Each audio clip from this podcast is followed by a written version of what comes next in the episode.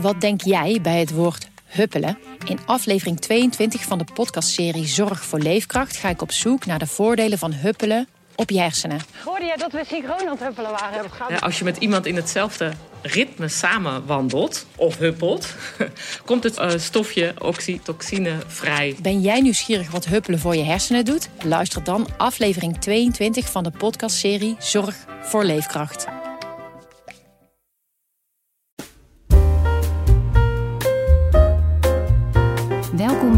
Lees die krant. Mijn naam is Emma-Louise Diest en in deze podcast neem ik je mee achter de schermen van het Parool. In iedere aflevering ga ik in gesprek met de maker van de krant. Ja, want voordat we het Parool openslaan heeft de krant al een hele reis gemaakt en daar wil ik alles over weten. Vandaag rennen we in gedachten het voetbalveld op. En met wie kunnen we dat beter dan samen met Dick Sintony, Ajax-verslaggever van het Parool. Hij is bij mij aangeschoven vandaag. Welkom.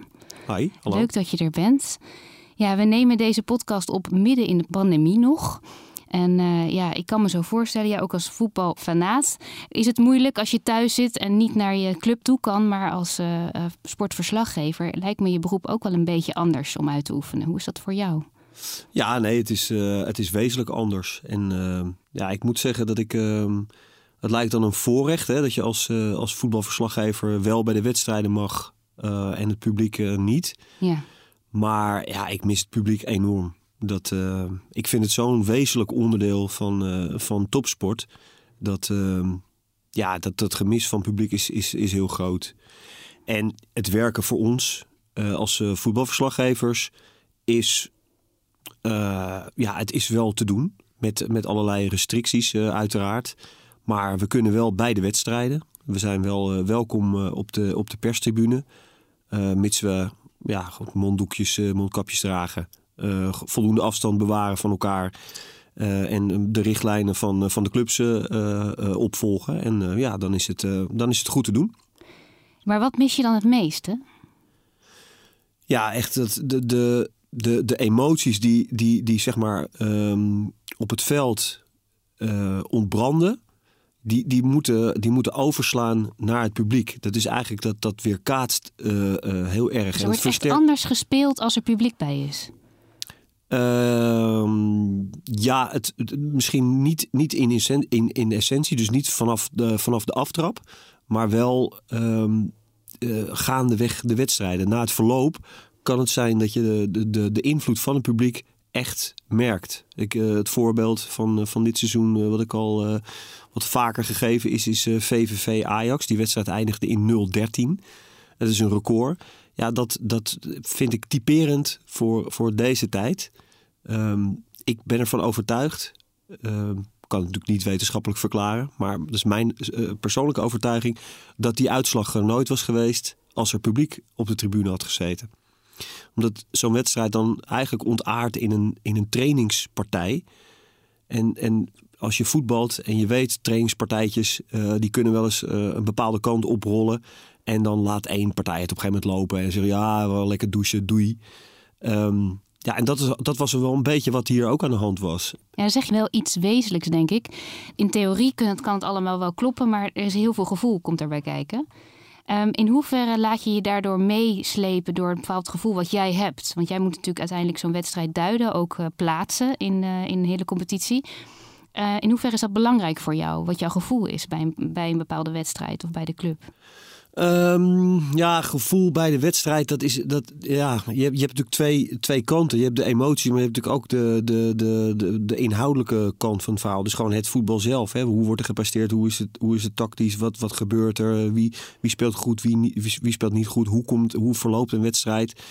Um, ja, en het gevoel, ja, dat is. Um, uh, dat, wordt, dat wordt ook gevormd door. Uh, door, door zeg maar de, de emoties die op de tribunes uh, uh, golven. En, en, en dat kan. Dat, dat brengt natuurlijk bij jezelf ook iets teweeg. Als ik nu dit seizoen kijk naar de Champions League wedstrijden van, uh, van Ajax. Ja, in, in, in voorgaande jaren is dat al zo.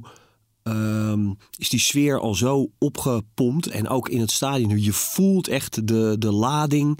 Ja, die, die, die rolt echt van de tribunes. Iedereen is daar zo uh, bij betrokken.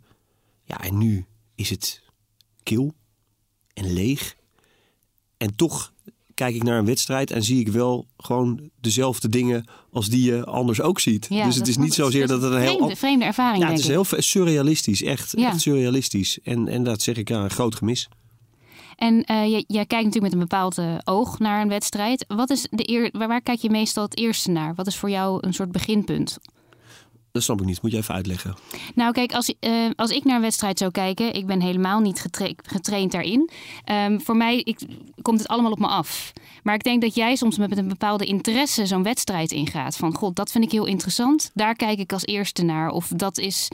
Ik, wil, ik zou graag een beetje meegaan in de manier waarop jij naar de wedstrijd kijkt. Ehm, ja, de- allereerst eh, hoe eh, de, de teams zijn neergezet door eh, de trainers.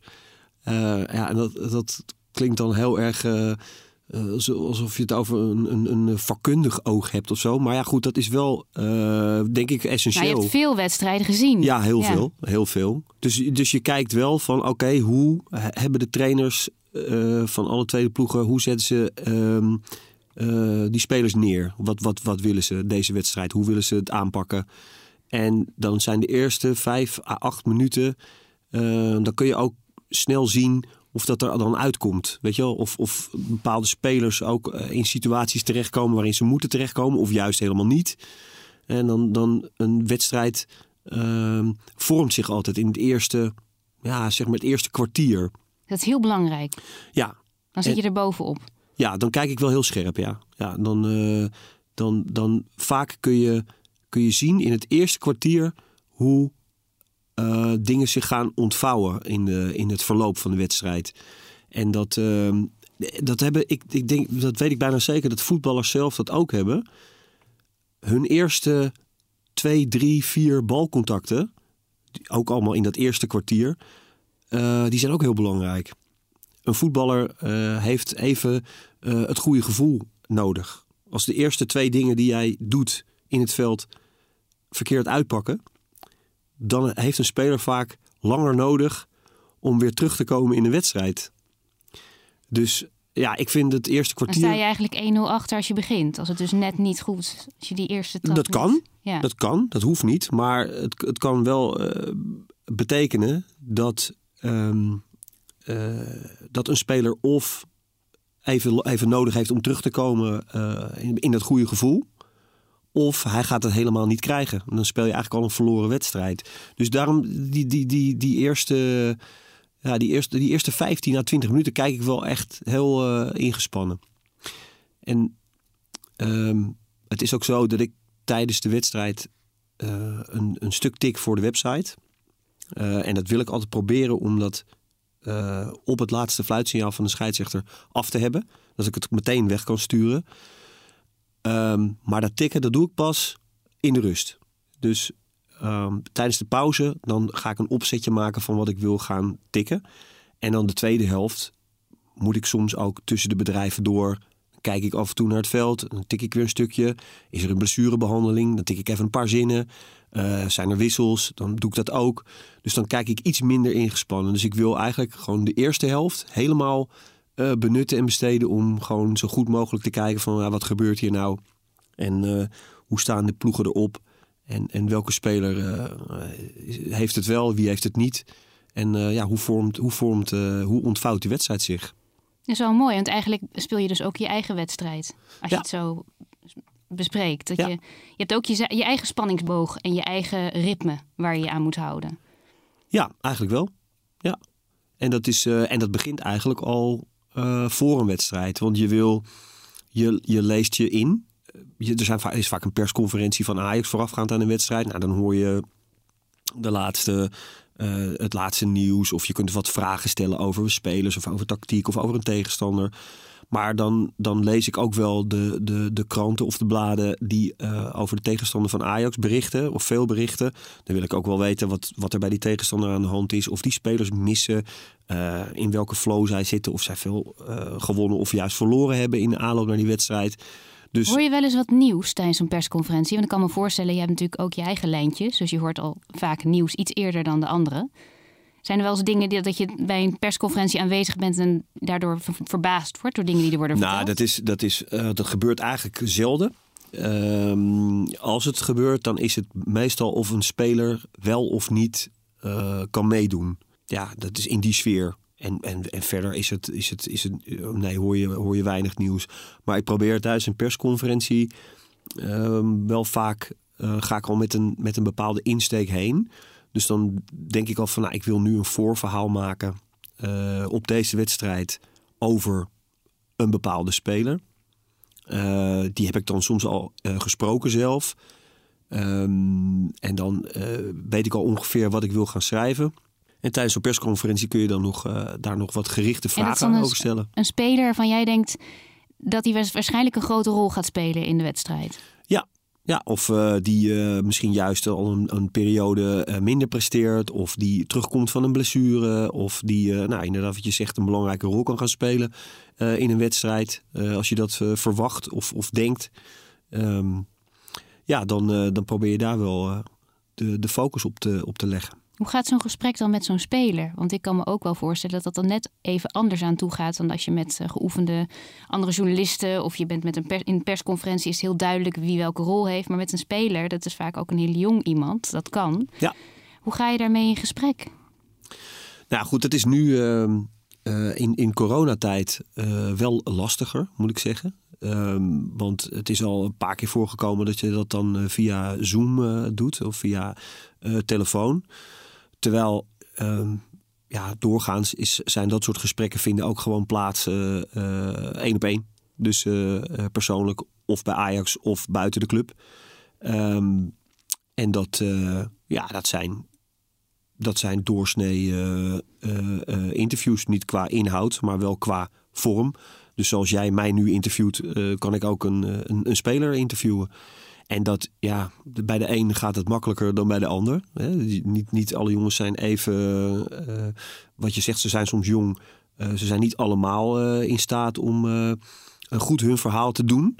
Dus dan, dan moet je dat misschien wat als interviewer wat proberen wat meer te sturen en wat meer te helpen. Maar bijvoorbeeld Matthijs de Licht, die nu bij Juventus speelt, die was 17 toen hij doorbrak.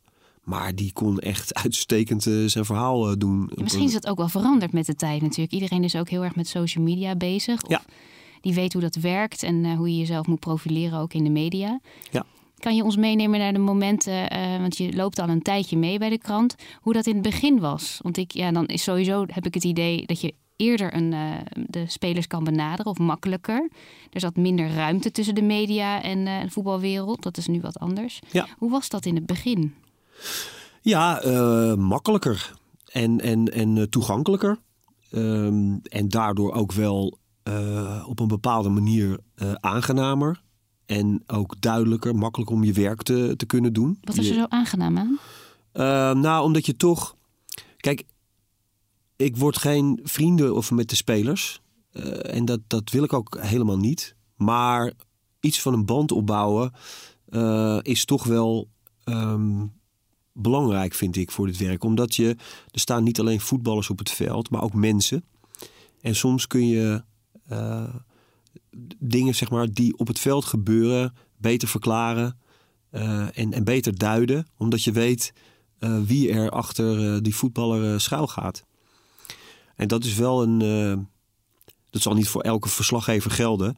Uh, er zijn misschien verslaggevers die, die dat helemaal van een afstand willen volgen en helemaal niet geïnteresseerd zijn in uh, wie, de, wie de mens is achter de voetballer. En dat is ook helemaal geen disqualificatie. Maar ik vind het zelf voor jou wel... is het belangrijk. Ja, voor mij is het belangrijk. Ja. ja. Ik, uh, die, die, die emotie hè, waar we het net over hadden, hè, van, van de tribunes en zo, die is er natuurlijk ook bij die sporters zelf. En ook bij al die mensen die heel nauw bij dat eerste elftal betrokken zijn. het is allemaal mensenwerk. Ja, ik vind dat echt wel interessant. Ja, dan kan je natuurlijk zo, dat kan het zo zijn dat er in één keer iets in de wedstrijd gebeurt waar iedereen verbaasd over is. Maar jij kent die spelers en denkt, nou, ik ben niet zo verbaasd. Ik, ik had dit wel aanzien komen. Ja. ja. Dat kan wel zo gebeuren. Ja, en dat is wel, uh, uh, dat is wel echt moeilijker geworden. Omdat de, de, de clubs, en in dit geval hebben we het over Ajax, hè, want ik volg uh, alleen Ajax voor het, voor het parool. Ehm, ja, die, die schermen hun, hun wereld hun binnenwereld zeg maar steeds meer af voor de buitenwereld. En de buitenwereld, dat is ook dat is ook de media. En dat, die ontwikkeling is al langer aan de gang? Ja, ja. Die is, ik ben in 2001 begonnen bij het Parool. En toen kon ik alle trainingen zien. En toen kon ik na trainingen ook spelers nog aanspreken. En niet voor een stuk, maar soms gewoon van: hey, hoe is het? Hoe gaat het? Een praatje maken. Een praatje maken. Ja. En er waren ook mensen uh, langs het trainingsveld van de club, waar je dan ook wel uh, uh, nog eens mee kon, kon bijkletsen. De ene keer een directeur, de andere keer een fysiotherapeut, dan een, een, zaakwaarnemer van een speler. Hè? Dus het is een, in, een vrij informele sfeer. kon je echt heel veel informatie ook nog wel vergaren. Echt achtergrondinformatie. Niet iets waar je meteen iets mee, mee zou doen. Maar wel, wat wel belangrijk was om, om, om Echt te weten. ontdekking gaan eigenlijk een beetje. Ja. Iets wat je niet had verwacht en dat komt dan op je pad. Ja, en soms ook heel grappig dat je... Dat je, ja, zat ik naar een training te kijken op een bankje en er kwam een jongen naast me zitten en die, die, die uh, zei me vriendelijk gedag en die sprak me ook aan in Spaans. En uh, nou goed, een beetje in het half Spaans uh, met handen en voeten en zo. En hij bood me een slok aan van zijn, van zijn thee. En ik zei, nou nee, bedankt te vriendelijk voor de eer. Um, maar dat was de broer van Luis Suarez. En ja, weet je wel, die kende ik wel als, als voetballer en die maakte mee. Maar die broer, die zat daar heel onbevangen. In een heel andere context. Ja, een hele andere context. En het was ontzettend leuk, gewoon privé gesprek. Heel, heel grappig en, en een ontzettend leuke, leuke vent. En dat gaf me ook wel weer... Uh, dat geeft dan ook weer een heel ander inkijkje in, in uh, ook dat familieleven van, van, van, uh, van Suarez zelf. En, Maakt het spel veel groter op dat moment, heb ik ja. het idee. Ja, ja. Ja en dat is ja, je moet er nu, het kan nog wel steeds, maar je moet er meer moeite voor doen. Uh, dus, dus, dus ik probeer dan toch wel uh, zo goed als zo kwaad als het kan op de club te komen. bij de wedstrijden van Jong Ajax of soms jeugdwedstrijden. Of op een andere manier contact te onderhouden met mensen van de club en om de club heen. Heb je het idee dat je je dan meer moet bewijzen om dat vertrouwen te winnen? Mensen het idee hebben, oké, okay, die kunnen we vertrouwen, die kunnen we toelaten? Nou, uh, nee, ik denk, kijk, ik, ik loop nu, ik ben al zo lang bij Ajax. Dat ik wel het idee heb dat mensen die daar uh, werken mij uh, kennen. En dat ze wel weten wat voor vlees in de kuip hebben. Dus dat, dat, dat daar hoef ik nu niet meer heel hard voor te knokken. Heb je dat ooit moeten doen? Ja, zeker. Ja. Kan je daar een voorbeeld van geven van het begin? Dat je echt het idee had, ja, ik moet hier echt even het gevoel dat je iets moest, ja, je plek moest overroveren eigenlijk? Nou ja, dat is, dat is heel simpel. Je, je, je komt daar binnen en, en je spreekt mensen aan. Dus ik, ik kom daar iets, uh, iets halen eigenlijk. Hè? Dus ik kom mensen bevragen. Ja, en die willen dan wel weten, oké, ik geef nu een antwoord. Maar dan wil ik ook zien hoe je dat zometeen in de krant zet. En ja, ik denk dat als je daar uh, niet uh, op een goede manier mee omgaat dat dan ook de luiken allemaal dichtgaan en de loketten dichtgaan. En dan, ja, dan, hoef je, dan maak je jezelf uh, wel moeilijk. Alleen, je moet soms ook dingen schrijven die, uh, die de mensen bij de club niet bevallen. En dat is wel, daar heb ik eigenlijk daar heb ik nooit moeite mee gehad. En, en, en, uh, en ook niet als mensen van de club me daarna een tijdje niet te woord wilde staan. Of, uh... Dat gebeurde wel. Jazeker, ja, dat is wel gebeurd. Ja, ja. Maar dat, dat, dat is niet. Um... Wanneer was dat bijvoorbeeld? Poeh, nou, moet ik even nadenken hoor. Um, ja, helemaal in het begin hebben we een periode uh, gehad dat. Um, uh, er, was, er was wel veel gedoe, bijvoorbeeld met Shota Arvelatse, speler, spits van, van Ajax die dan wel of niet, uh, uh, die mocht op een gegeven moment niet meer spelen van Ajax omdat hij zijn contract niet wilde verlengen. Nou, uh, hoop gedoe. En die had daar zelf iets, iets over gezegd. En dat hebben we opgeschreven in de krant. En daar waren ze bij Ajax echt ziedend over. Ja, dan, dan, dan merk je wel dat, dat, dat mensen bij de club daar echt wel pissig over zijn. En dan, uh, ja, Wist je dat toen je dat uh, ging publiceren? Van ja. hier komt ja, waarschijnlijk wat gedoe mee. Ja, Krijg zeker. gedoe mee? Ja, alleen je weet nooit in, in welke mate. Want, want als, het, uh, als de club dan misschien alweer een, een oplossing heeft gevonden dan uh, zelf, dan schaadt het ze niet zo heel erg. Denken ze, nou ja, het zal wel, gaat het ene oor in en het andere oor uit. Maar als het ze zelf voor probleem stelt, intern, eh, ja, dan ben jij natuurlijk wel de, de, de gebeten hond. Want dan denk je, ja, als dit niet naar buiten was gekomen, dan eh, hadden we er geen problemen mee gehad. En nu we er toch, door jou. Ja, maar dan doe je er wel toe natuurlijk, want jij brengt dat verhaal. Ja, maar niet. Ehm, daar, daar schrijf je het niet voor. Nee. Ja, dat, dat, ik bedoel, ik vind, ik vind je moet proberen zoveel mogelijk nou, het publiek, de fans, de lezer te informeren over wat er aan de hand is. En dat is ook de insteek waar je mee begonnen bent toen je de eerste stukken schreef. Dat je, had je toen een bepaald idee echt wat je wilde brengen? Nou, je. Kijk, het is natuurlijk een deel. Uh, dat, moet, dat moeten we ook niet, uh, niet vergeten. Het is natuurlijk een deel amusement. Hè? Dus je, je, je moet ook uh, stukken kunnen maken, um, informatief. ook stukken ter vermaak. Hè? Dus, dus ook proberen een, een, een mooi verhaal uit de club te halen. Wat nog niet bekend is. Wat niet misschien direct verband houdt met de prestaties van het eerste inderdaad, elftal. die wereld groter maken. Ja, groter. En de ja. club, hè, die, die, die club is natuurlijk veel groter dan het eerste elftal. Maar de rode draad is wel het eerste elftal, prestaties, eh, wel of niet kampioen, uh, wel of niet uh, Champions League halen, wel of niet goed presteren, trainer, wel of niet goed genoeg, spelers, wel, wel of niet goed genoeg. Um, ja, want als het natuurlijk een tijd niet goed gaat, dan heb je misschien minder zin om bepaalde, of minder zin, of zie je de urgentie niet in om meer stukken te schrijven over wat er omheen gebeurt. Want dan zijn er gewoon andere punten die heel ja. belangrijk zijn. Ja. ja. En dat is. Uh, ja, ik vind de, de, de, timing is daarin wel, uh, wel heel belangrijk. Dus uh, dat leer je wel, denk ik, door de jaren heen. Dat je wel aanvoelt uh, welke kant uh, dingen oprollen. En dat je daarvoor ook al je maatregelen neemt, zodat je weet van oké, als dat gebeurt, pam, pam, pam, dan, dan kan ik dat verhaal maken, dan kan ik dat verhaal brengen. Nu moet dat even op een lager pitje, even niet uh, de, de afwijkende verhalen maken, maar juist even de focus op, op ja, dingen die belangrijk zijn voor, voor dat eerste elftal. Dus, en in welke periode zit je nu? Als we zo kijken aan het begin van het jaar of zo'n jaarwisseling, nieuwe dingen die eraan zitten te komen? Nou, het is, een, uh, het is wel een, een, een, fase waarin de kaarten worden geschud uh, voor uh, ja, de ontknoping zeg maar, van de competitie. Dus het gaat nu wel uh, zeg maar de kant op rollen naar richting einde seizoen. Ja, weet je wel, gaat, gaat Ajax het, het redden? Gaan ze kampioen worden of niet? En dat, dat voortraject... Die druk voel je? Ja, die voel je wel toenemen. Ja. Nou, Ajax heeft, heeft in de winterstop uh, zich versterkt met Sebastian Haller, een spits, voor 22,5 miljoen euro. Nou, daaraan merk je dat de club die druk ook voelt. nou, je dus... noemt niet voor niks het bedrag. Dat is dus wel echt aanzienlijk belangrijk daarin. Dat, ja. dat, dat verhoogt ja. de druk. Ja, dat, dat, ja, maar goed, dat, dat, dat, geeft, dat doe je ook niet zomaar als club. Hè. Dat, uh, dan weet je. We investeren.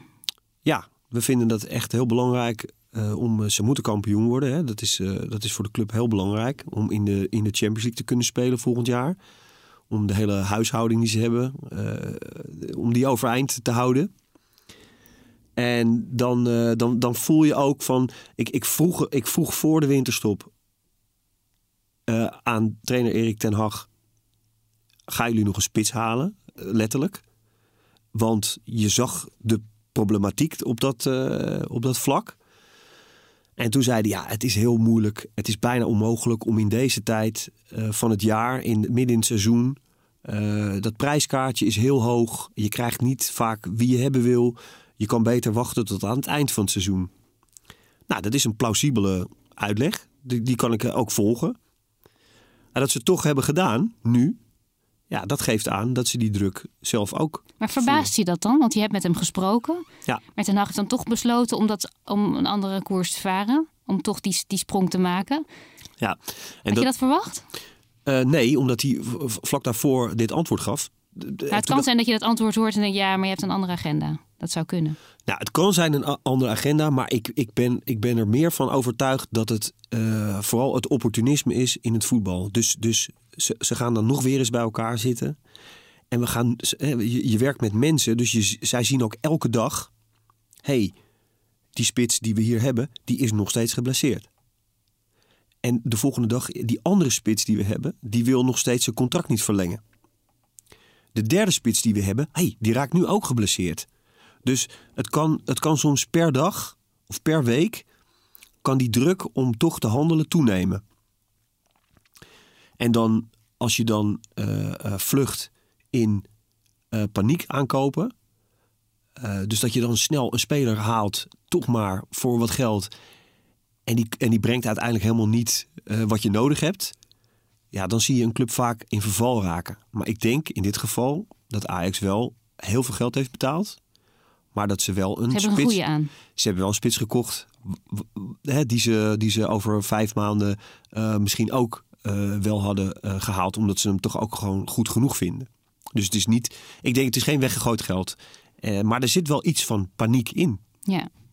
Beetje paniekvoetbal in het geheel. Paniekvoetbal. Ja. ja, nou ja, goed. Paniekvoetbal in die zin dat ze het, dat ze het nu hebben gedaan, halverwege het seizoen. waarschijnlijk voor iets te veel geld. Of in ieder geval meer geld dan ze anders zouden moeten betalen. Maar dat ze die druk zo voelen dat ze dat, dat risico toch willen nemen. Dat ze denken dat hij een belangrijke rol kan spelen in uh, het binnenhalen van het kampioenschap. Ja, je hebt het over een situatie. Ik voel echt de druk en de, de spanning. Ja. Uh, jij moet zelf ook denken als een trainer dan. Wat zou ik doen? Wat in deze situatie? Wat is handig? Dus je voelt als. Wat is jouw positie dan eigenlijk in dit geheel? Heb je het idee dat je ook die voel je ook die druk bij het schrijven dan op zo'n moment? Um, nee. Nee. Nee, eigenlijk niet. Heb je dat nooit gevoeld? Of is het nu zeg maar omdat je zo lang al meeloopt dat je wat meer van, van een afstand kan kijken? Uh, ja, ik denk dat laatste wel. Ja.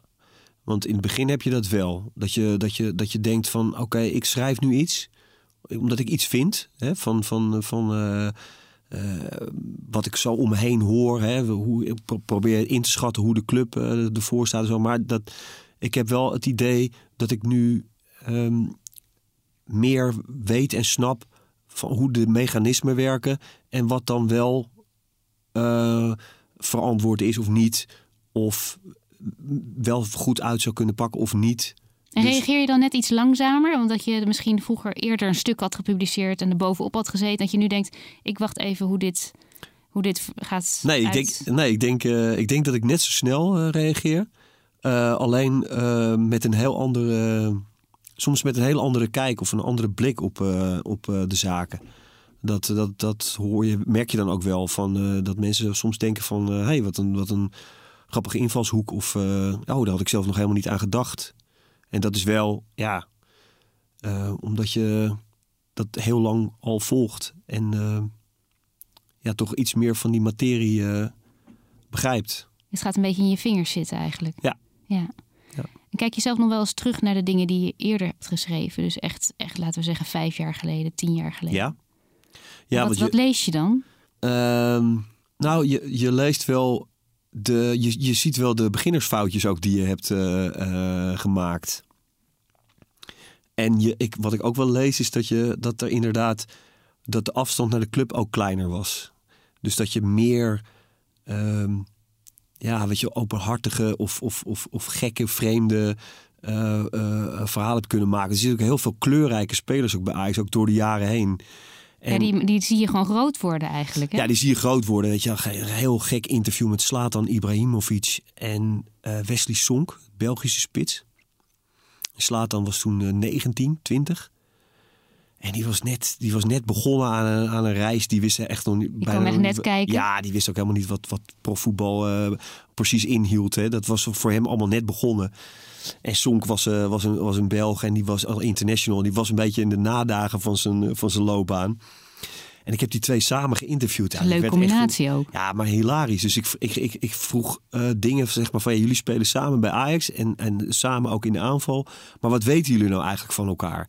Dus ik vroeg aan Slatan, ja, heeft, heeft hij kinderen? En dan zei, ging hij nadenken. Zei ja, ja, Amy en uh, dit of dat. En hij zat zonk te lachen. Zei, nee, ze heette zo en zo. Oh ja, ja, ja, ja. wat voor auto rijdt hij? En wat, dus dat werd een soort, soort uh, uh, gesprek tussen twee voetballers uit hele verschillende generaties, totaal verschillende achtergronden. Ja, dan lees je dat terug. Het was echt een hilarisch, hilarisch interview. En ja, dat zal eh, nu. Het kan nog wel hoor. Maar dat zal toch iets minder snel eh, eh, voorkomen.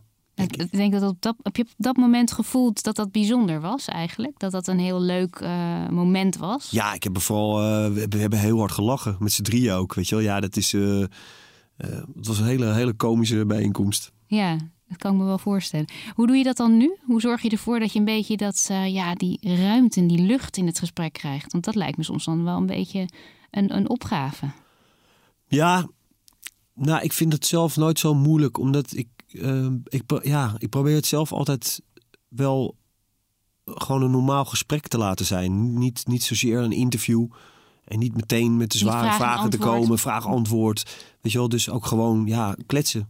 Daar, daar begint het vaak mee. Weet je wel, eerst even van hoe is het en. eh, en je merkt ook wel dat die spelers zelf, dat die voetballers dat ook wel eh, prettig vinden. Dus als zij, je, je hoort ook heel vaak, ja, voetballers die geven al die cliché antwoorden en eh, bijna eh, ingestudeerde praatjes.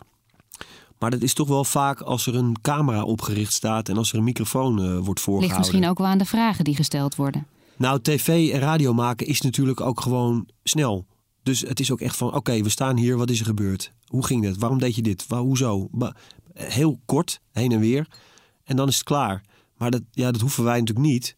Dus ik kan ook Dat is na echt een het voordeel van de krant dus Ja, dat is het eigenlijk. voordeel. Ja. Ja. ja, en als je dan niet gelijk eh erbovenop duikt en de moeilijke vragen stelt... maar eerst een sporter ook even laat landen... Heb je ook echt vragen die echt... Nou, dat zijn mijn vragen. Ja, in, in de- mijn vragen in de zin van... Nou, daar, daar, daar kan ik mezelf eh, in herkennen. Want ik neem aan dat je toch met een aantal vragen in je hoofd dus zo'n gesprek ingaat. Zijn er nog vragen die een beetje... Ja, dat zijn jouw vragen. Ehm, ehm, mm, mm, mm, ja, toch wel. Ja, daar komen we weer bij waar we het net al over hadden. Dat zijn dan wel. Ik, ik, wil, ik wil wel vaak weten waar een speler nou vandaan komt. En wat, die, wat, wat zijn achtergrond is. En hoe, hoe eh, broers, zussen, vader, moeder, waar die. eh, hoe Dus die echt een, echt hoe een stukje leeft. terug, ja. Ja, gewoon omdat je dan. Weet je, als je dat een beetje kan. Ja, dan probeer, je probeert ook een goed beeld te krijgen van, van, eh, van iemand. En als je dat weet. En ze, ze, ze daar ook op, op aanslaan. En ook wat meer van zichzelf laten zien. Dan, eh, dan, dan kun je ook makkelijker andere vragen stellen die ehm, heel direct zijn. Of die, ja, waarvan ze misschien zelf eh, denken van ja, het antwoord dat ik nu moet gaan geven is eigenlijk niet zo, eh, niet zo, niet zo fijn voor, voor, of voor de club of voor een trainer. Of voor, maar dat ze dat dan toch eerlijk antwoord durven geven. Dus Ja. die, die persoonlijke band is wel, is, ja, vind ik toch wel belangrijk. Jij zegt, ik word geen vrienden met spelers. Ehm, ik eh, hou, hou toch wel een beetje die afstand. Dat is belangrijk. Is het wel eens zo... ge- ge- ja, het kan gewoon gebeuren dat je wel zo'n klik met iemand hebt... en toch bevriend raakt. Is het wel eens gebeurd? Nee, niet, niet bevriend. Maar wel, eh, ja, wel spelers eh, met wie je echt een goede klik hebt. Met wie je echt wel een band opbouwt. Ja, dat, dat ja, geloof ik wel. Ja, En die, die zie je dan ook, daar hou je contact mee. Daar, eh, daar hou je wel, hou je wel contact en met wie mee. is dat gebeurd bijvoorbeeld? Nou, ik had eh, een hele goede eh, band wel met... ehm, eh, ook wel met Jan Vertongen. Met Christian Kivu. John O'Brien. Ehm, ja, dat zijn wel... dat zijn wel... Ook wel jongens die, die zelf ook wel verder keken dan het voetbalveld. En die ook wel... Ja, ook wel geïnteresseerd waren in, in, in wie jij dan was. En, en eh, wat jij dan voor werk deed. En, eh, en waarom. Ja, want laat je ook wel eens iets van jezelf zien. Want je zegt, ik ben inderdaad wel ben benieuwd naar hoe mensen, waar ze vandaan komen.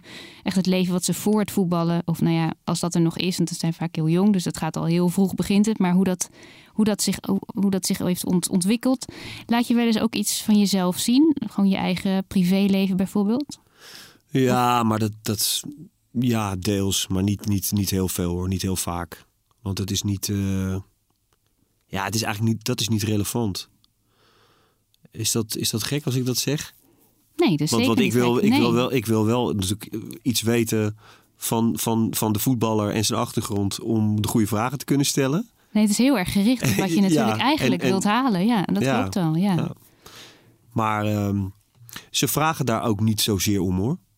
Af en toe wel eens, weet je wel, van eh, hoe is het, hoe is het met jou en hoe is dat? Ja, en, en dan zijn ze niet ongeïnteresseerd, zeker niet. Maar zij weten natuurlijk zelf ook wel dat zij uh, deel uitmaken van dat. Uh, van die voetbalwereld, van, die, van dat van circus, systeem, waarin, ja. zij, Ja. waarin zij uh, moeten vertellen over, ja, niet zozeer aan mij, maar aan hun publiek, wat ze bezighoudt Ja, en wat er aan de hand ja. is.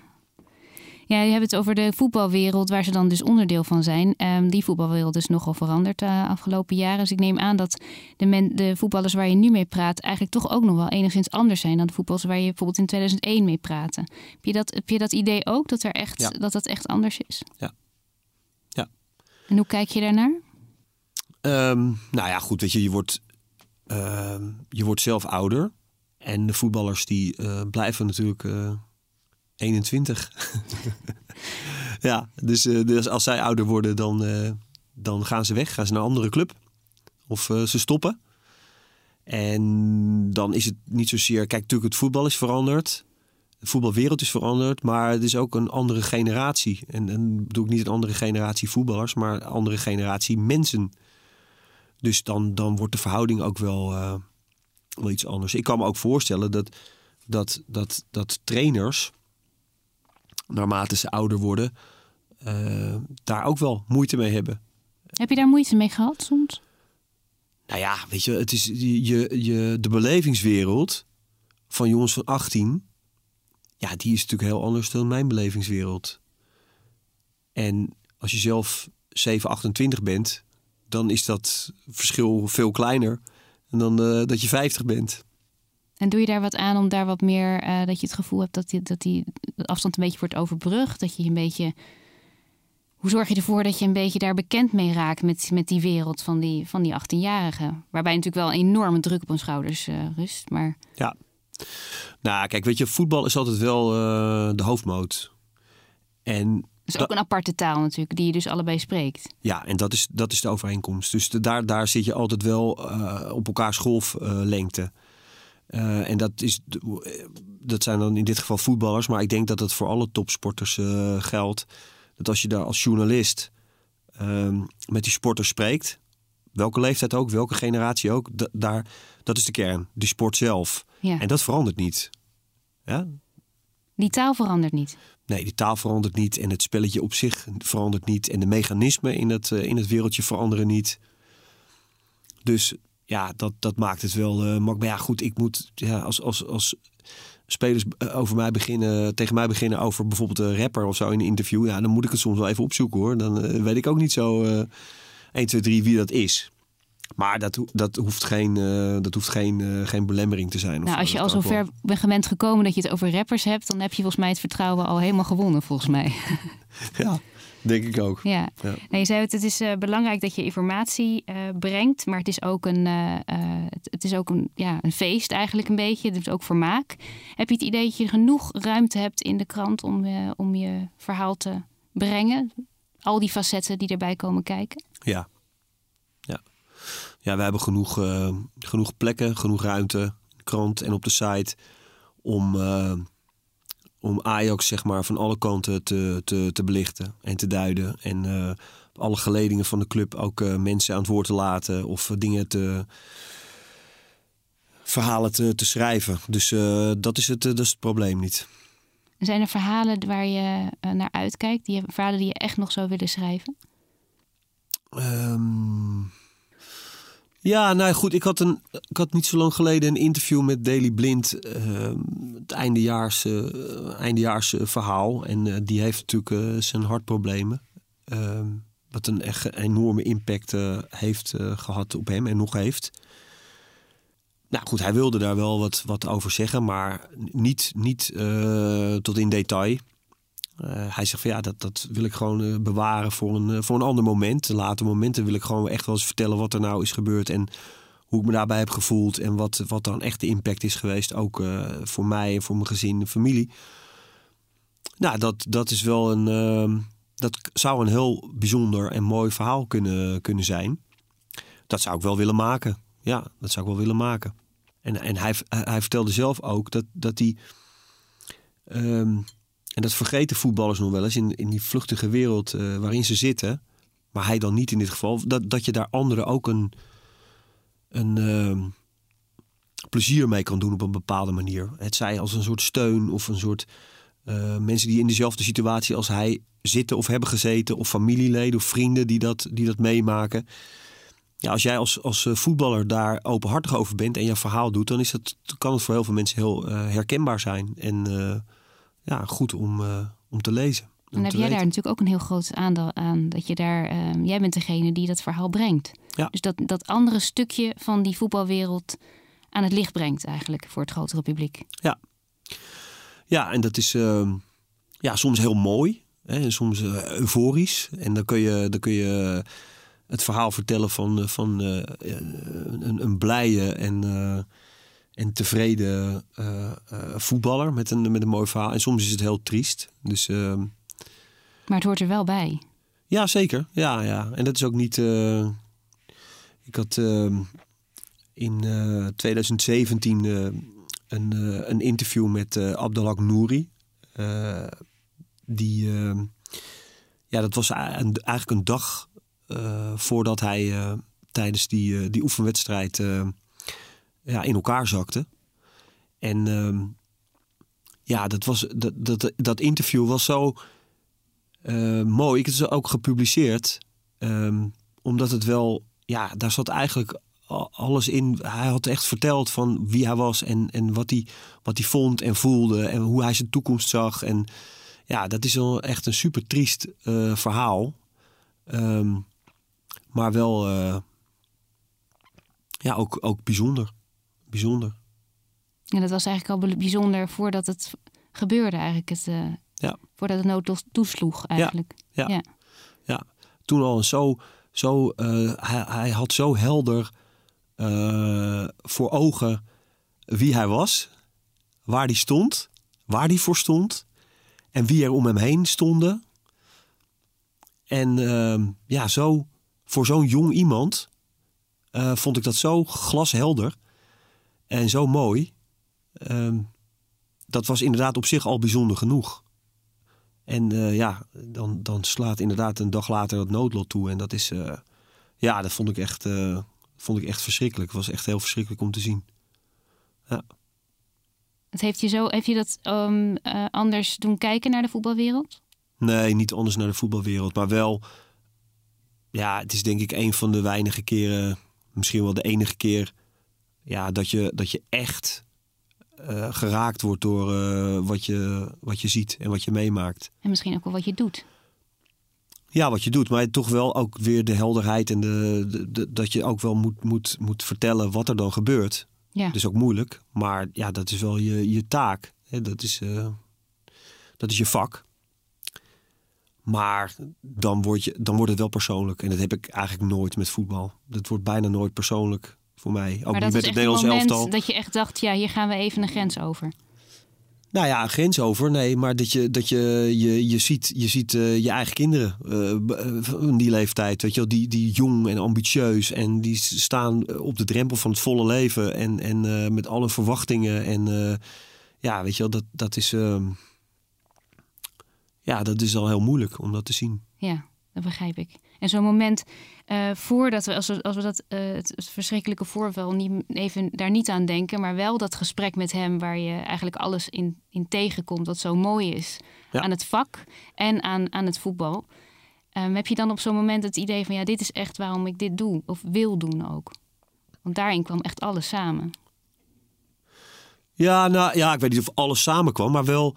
Maar wel, het is gewoon leuk om, uh, het is gewoon leuk om, om uh, jonge sporters te spreken. Die, die toch al die zo goed weten uh, wie ze zijn. En, en waar ze heen willen. En hoe ze dat willen bereiken. En dat is. ik denk dat dat wel in de topsport. Dat is natuurlijk niet bij iedereen zo. Het zijn natuurlijk ook wel weer gevallen waar het niet zo is. Maar in de topsport is het wel zo dat topsporters vaak al op hele jonge leeftijd weten um, ja, wie ze zijn en, en, en waar ze heen willen. En, en wat hun drive is en, en wat ze daarvoor moeten doen en laten. Dus ook met die voetballers hoor, want het wordt wel eens gemakkelijk gezegd van uh, verwend of uh, overbetaald of uh, ja, zal misschien, maar ze, ze, ze zijn wel, ze moeten wel heel veel doen en laten om, om de top te bereiken. En dat is wel, eh, dat, is, dat vind ik een mooi proces om, eh, om te volgen en mooi om te zien. En eh, dat wil je denk ik nog heel erg lang gaan doen. Wel ja, joh. Ja. Tuurlijk. Want die mooie stukken, Ja, nou, daar gaan we heel veel plezier van hebben, denk ik. ik hoop het. ook? Ik hoop Is er iets waar je nu een beetje naar uitkijkt? Dat je denkt, god, dat is de volgende... Of is het gewoon de volgende wedstrijd?